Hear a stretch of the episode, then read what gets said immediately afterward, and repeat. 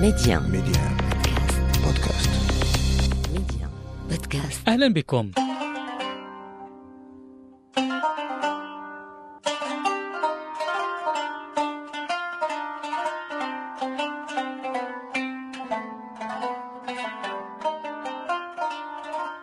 استقبالا لشهر رمضان المبارك نخصص ابتداء من عدد اليوم مجموعة حلقات لموضوع الصيام كشعيرة تعبدية ليس في الديانات السماوية وحسب بل أيضا في الديانات الوضعية كالهندوسية مثلا.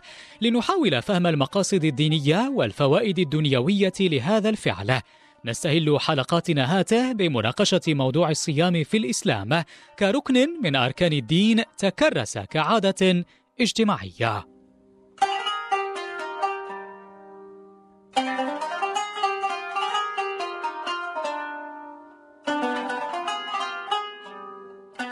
للحديث حول الموضوع نستضيف اليوم الأستاذ الفقيه الحسن بن إبراهيم سكنفل رئيس المجلس العلمي لسخيرات تمارا أهلا ومرحبا بك أستاذ الكريم.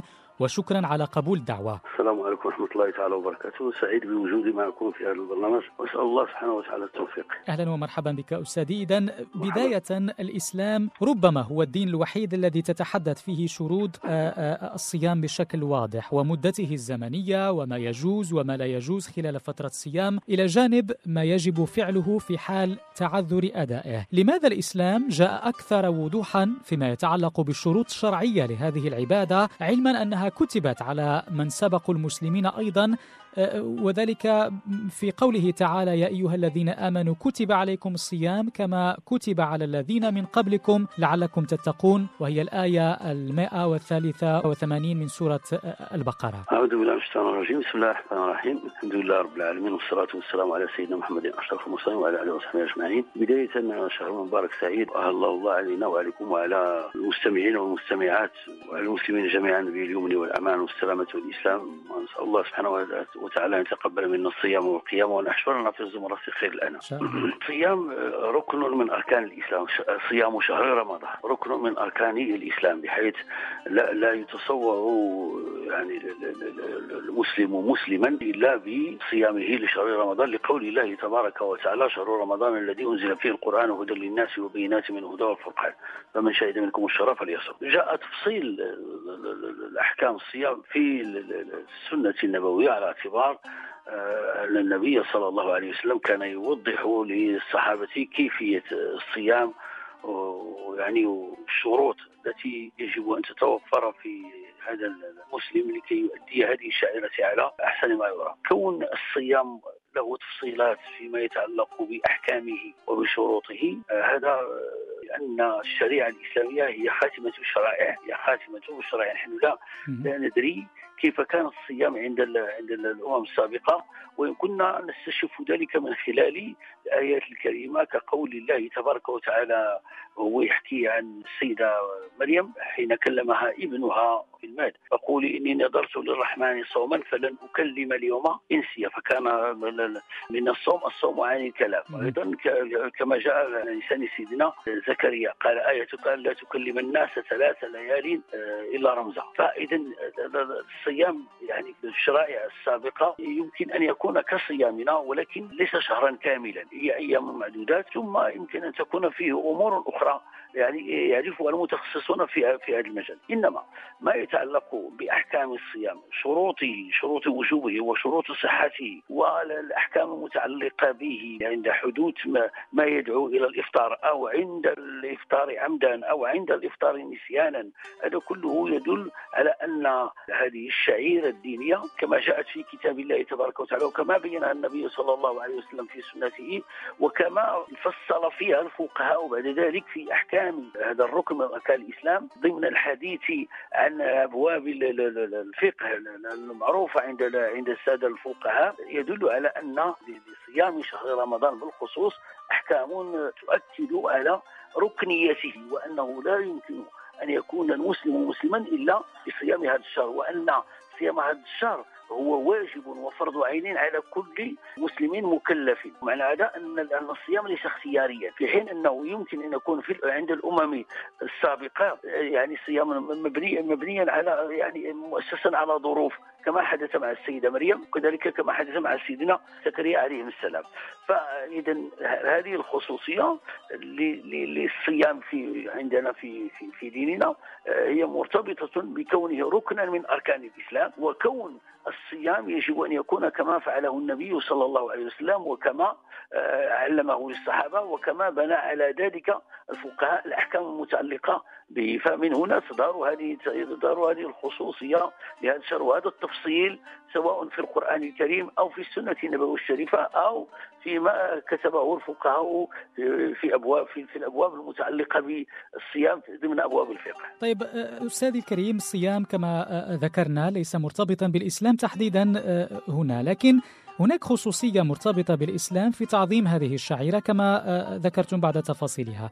هل الأمر مرتبط فقط بالنص القرآني الذي جاء على صيغة أمر من الله عز وجل بمعنى أن المسألة هنا مسألة دينية أم أن الناس مع توالي العقود والقرون كرسته ليس فقط كعبادة دينية بل أيضا كعادة اجتماعية في الوقت ذاته. هنا في المغرب مثلا وكذلك في كثير من الدول العربية رمضان هو عادات اجتماعية وليس فقط آه، آه، عبادة فردية أو جماعية. بل حتى في مصر آه، نموذجا يشترك حتى المسيحيون الأقباط في تنظيم الموائد الرمضانية. عبادة الشعائر التعبدية عندنا لها لها آثار على على الفرد وعلى المجتمع. نأخذ مثلا الصلاة. الصلاة يعني أيضا حضورها في المسجد ضمن ضمن مجموعة من الشروط والتي تختلف من بلد إلى بلد يظهر فيها ذلك الجانب الاجتماعي حاضرا. كذلك بالنسبة للزكاة كذلك بالنسبة للصيام.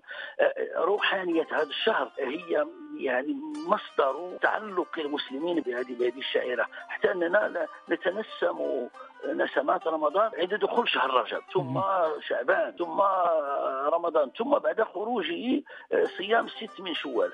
فيعني البعد الشعائري البعد الشعائري حاضر بقول الله تبارك وتعالى شهر رمضان الذي أنزل فيه القرآن هدى للناس وبينات من الهدى والفرقان فمن شهد أي فمن حضر. من كان حاضرا فمن شهد منكم الشرع فليصومه وقول النبي صلى الله عليه وسلم صام رمضان إيمانا واحتسابا غفر له ما تقدم من ذنبه وما تاخر وأيضا من قام رمضان إيمانا واحتسابا غفر له ما تقدم من ذنبه وما تاخر وأيضا الحديث وإن كان في سنده كلام ولكنه آه، يعني معناه قوي جدا. قد اضلكم النبي صلى الله عليه وسلم يبشر المؤمنين.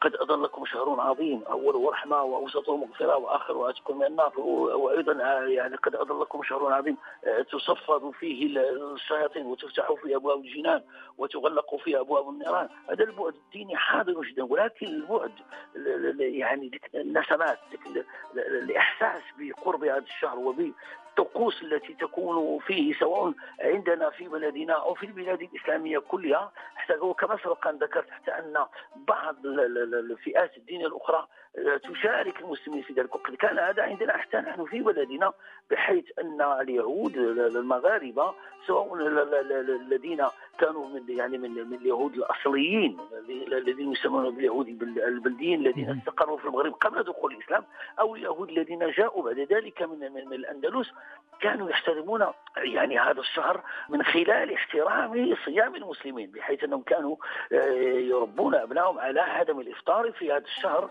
إفطار جهارا لأن المسلمين آه، يصومون.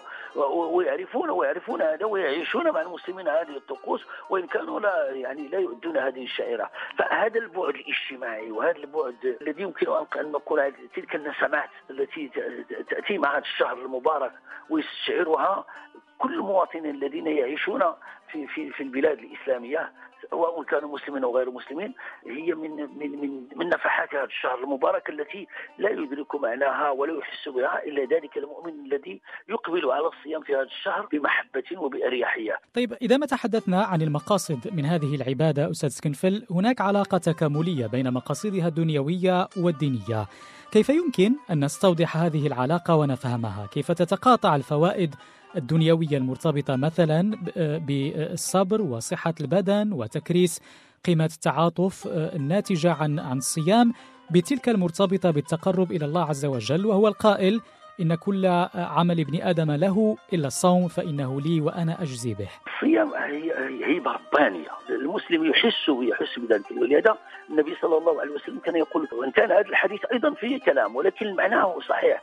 جاءكم المطهر جاءكم المطهر أي يطهركم قيميا بحيث أن ذلك الصائم يحس بذلك الفقير الذي لا يجد يعني يحس بالجوع كما كان يحس به ذلك الذي لا يجد ما, ما, ما يأكل. إحساس ذلك الصائم. بما يحس به ذلك الفقير يدفعه إلى الكرم وإلى الجود. النبي صلى الله عليه وسلم كما أخبرت بذلك السيدة عائشة رضي الله عنها أنه كان جوادا وكان أكثر جودا منه في رمضان فكان كالريح المرسلات. إلى هنا نكون قد بلغنا منتهى زمن الحلقة. نتم حديثنا بحول الله في العدد المقبل. شكرا لك أستاذ سكنفل وشكرا لمستمعينا على المتابعة. في أمان الله.